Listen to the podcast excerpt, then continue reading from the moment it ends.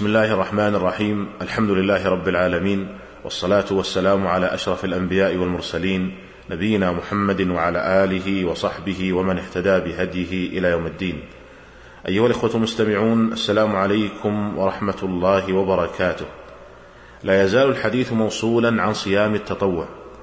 وتكلمنا في الحلقة السابقة عن بعض أنواع صيام التطوع. ونستكمل في هذه الحلقة الحديث عن بقيتها. فأقول وبالله التوفيق من أنواع صيام التطوع صيام ثلاثة أيام من كل شهر. لما جاء في الصحيحين عن أبي هريرة رضي الله عنه قال أوصاني خليلي صلى الله عليه وسلم بثلاث وذكر منها صيام ثلاثة أيام من كل شهر. وفي الصحيحين أيضا عن عبد الله بن عمرو رضي الله عنهما أن النبي صلى الله عليه وسلم قال صم ثلاثة أيام من كل شهر. فإن الحسنة بعشر أمثالها وذلك مثل صيام الدهر. والأفضل أن تكون هذه الثلاثة والأفضل أن تكون هذه الثلاثة أيام في أيام البيض. لحديث أبي ذر رضي الله عنه أن النبي صلى الله عليه وسلم قال يا أبا ذر إذا صمت من الشهر فصم ثلاث عشرة وأربع عشرة وخمس عشرة رواه الترمذي وقال حديث حسن. قال صاحب الإفصاح اتفقوا على أن صيام أيام البيض التي جاء فيها الحديث هي الثالث عشر والرابع عشر والخامس عشر. وسميت بذلك لبيضاض لياليها بنور القمر فالوصف لليالي فيكون التقدير إذن أيام الليالي البيض. وقيل في الحكمة من مشروعية صيامها أن دم الإنسان في منتصف الشهر يصبح أكثر فورانا وتهيج فيه فضلات البدن والصوم يذهب فضلات البدن ويخفف من ضغط الدم. والله تعالى أعلم. ومن أنواع صيام التطوع صيام يومي الاثنين والخميس. لحديث أسامة بن زيد رضي الله عنهما قال كان النبي صلى الله عليه وسلم يصوم يوم الاثنين والخميس فسئل عن ذلك فقال إنهما يومان تعرض فيهما الأعمال على رب العالمين فأحب أن يعرض عملي وأنا صائم. رواه أبو داود والترمذي والنسائي وأحمد وقال الترمذي حديث حسن. وصيام يوم الاثنين آكد من صيام يوم الخميس لما جاء في صحيح مسلم عن أبي قتادة رضي الله عنه أن رسول الله صلى الله عليه وسلم سئل عن صوم يوم الاثنين فقال ذلك يوم ولدت فيه وبعثت فيه أو أنزل علي فيه. أما صيام يومي الثلاثاء والأربعاء فليس بسنة على التعيين لكن يبقى أنه سنة مطلقة فإنه يسن للمسلم الإكثار من صيام التطوع. لكن لا نقول يسن صيام يوم يوم الثلاثاء أو يوم الأربعاء على التعيين كما يقال في صيام يومي الاثنين والخميس ولا يقال إنه يكره وإنما يقال إن صيامهما سنة مطلقة. وأما يوم الجمعة فيكره إفراده بالصوم في قول جمهور أهل العلم لما جاء في الصحيحين عن أبي هريرة رضي الله عنه أن رسول الله صلى الله عليه وسلم قال لا تصوموا يوم الجمعة إلا أن تصوموا يوما قبله أو يوما بعده. وفي الصحيحين عن محمد بن عباد قال سألت جابرا رضي الله عنه نهى أنهى النبي صلى الله عليه وسلم عن صوم يوم الجمعة؟ قال نعم. وفي صحيح البخاري عن أم المؤمنين جويرية بنت الحارث رضي الله عنها أن النبي صلى الله عليه وسلم دخل عليها يوم الجمعة وهي صائمة فقال لها أصمت أمس؟ قالت لا. قال تريدين أن تصومي غدا؟ قالت لا. قال فأفطري. وقال بعض العلماء يحرم إفراد يوم الجمعة بالصوم.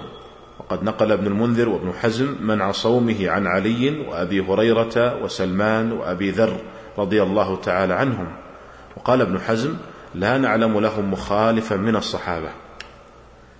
وقد اختلف في الحكمة من النهي عن إفراد يوم الجمعة بالصيام. وأقرب ما قيل في ذلك أنه يوم عيد والعيد لا يصام. وقد رجحه ابن القيم رحمه الله. وقال الحافظ ابن حجر رحمه الله بعدما ذكر أقوالا في المسألة قال وأقوى الأقوال وأولاها بالصواب أن يوم الجمعة يوم عيد والعيد لا يصام وقد ورد فيه حديثان صريحان أحدهما رواه الحاكم وأحمد عن أبي هريرة رضي الله عنه أن رسول الله صلى الله عليه وسلم قال يوم الجمعة يوم عيد فلا تجعلوا يوم عيدكم يوم صيامكم إلا أن تصوموا قبله أو بعده. والثاني رواه ابن أبي شيبة بإسناد حسن عن علي رضي الله عنه وفيه من كان منكم متطوعا فليصم يوم الخميس ولا يصم يوم الجمعة فإنه يوم طعام وشراب وذكر. وقد أورد ابن القيم رحمه الله إشكالا على هذا القول فقال إن قيل يوم العيد لا يصام مع ما قبله ولا مع ما بعده ثم أجاب عن هذا الإشكال فقال لما كان يوم الجمعة مشبها بالعيد أخذ من شبهة النهي عن تحري صيامه فإذا صام ما قبله أو ما بعده لم يكن قد تحراه وكان حكمه حكم صوم الشهر أو العشر منه أو صوم يوم وفطر يوم أو صوم يوم عرفة وعاشوراء. إذا وافق يوم الجمعة فإنه لا يكره صومه في شيء من ذلك. ويفهم من كلام ابن القيم السابق أن الممنوع هو تعمد إفراد تخصيص يوم الجمعة بالصيام. أما إذا لم يتعمد فإنه لا يدخل في النهي. فإذا وافق يوم عرفة شرع صومه ولا يلزم أن يصام يوم قبله أو يوم بعده. وهكذا لو كان يصوم يوما ويفطر يوما ووافق صومه الجمعة فلا يدخل في النهي. وقد سئل الإمام أحمد بن حنبل رحمه الله عن رجل كان يصوم يوما ويفطر يوما ووقع فطره يوم الخميس وصومه يوم الجمعة وفطره يوم السبت فصام الجمعة مفردا. فقال هذا لم يتعمد صومه خاصة إنما كره أن يتعمد الجمعة. ولهذا جاء في حديث أبي هريرة رضي الله عنه أن رسول الله صلى الله عليه وسلم قال لا تخص ليلة الجمعة بقيام من بين الليالي ولا تخص يوم الجمعة بصيام من بين الأيام إلا أن يكون في صوم يصومه أحدكم. رواه مسلم.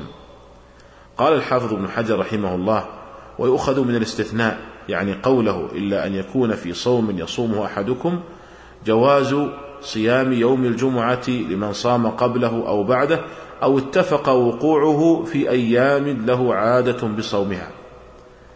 ولكن لو كان الإنسان موظفا وأراد أن يصوم ثلاثة أيام من الشهر مثلا أو أن يصوم ستا من شوال ولم يتيسر له الصيام إلا في يوم الجمعة لكونه هو يوم الإجازة بالنسبة له. فهل يجوز له في هذه الحال هل يجوز له إفراد الجمعة بالصيام؟ الجواب نعم يجوز ذلك لأنه لم يخصه لكونه يوم جمعة. وإنما لكونه هو يوم الإجازة بالنسبة له. قال سماحة شيخنا عبد العزيز بن باز رحمه الله قال صيام يوم الجمعة منفردا نهى عنه النبي صلى الله عليه وسلم إذا كان صومه لخصوصيته لأنه صلى الله عليه وسلم دخل على امرأة من نسائه فوجدها صائمة يوم الجمعة فقال أكنت؟ صمت أمس؟ قالت لا. قال أتريدين أن تصومي غدا؟ قالت لا. قال فأفطري. وفي الصحيحين عن أبي هريرة رضي الله عنه أن النبي صلى الله عليه وسلم قال لا يصومن أحدكم يوم الجمعة إلا أن يصوم يوما قبله أو يوما بعده. لكن إذا صادف يوم الجمعة يوم عرفة فصامه المسلم وحده فلا بأس بذلك لأن هذا الرجل صامه لأنه يوم عرفة لا لأنه يوم جمعة. وهكذا لو كان عليه قضاء من رمضان ولا يتسنى له فراغ إلا يوم الجمعة. فإنه لا حرج عليه أن يفرده وذلك لأنه يوم فراغه. وهكذا لو صادف يوم الجمعة يوم عاشوراء فصامه فإنه لا حرج عليه أن يفرده لأنه صامه لكونه لأنه صامه لأنه يوم عاشوراء لا لأنه يوم الجمعة. ولهذا قال النبي صلى الله عليه وسلم لا تخصوا يوم الجمعة بصيام ولا ليلتها بقيام. فنهى عن التخصيص أي على أن يفعل الإنسان ذلك لخصوص يوم الجمعة أو ليلتها. أيها الإخوة المستمعون هذا ما تيسر عرضه في هذه الحلقة ونستكمل الحديث عن بقية مسائل وأحكام صيام التطوع في الحلقة القادمة إن شاء الله تعالى. والسلام عليكم ورحمة الله وبركاته.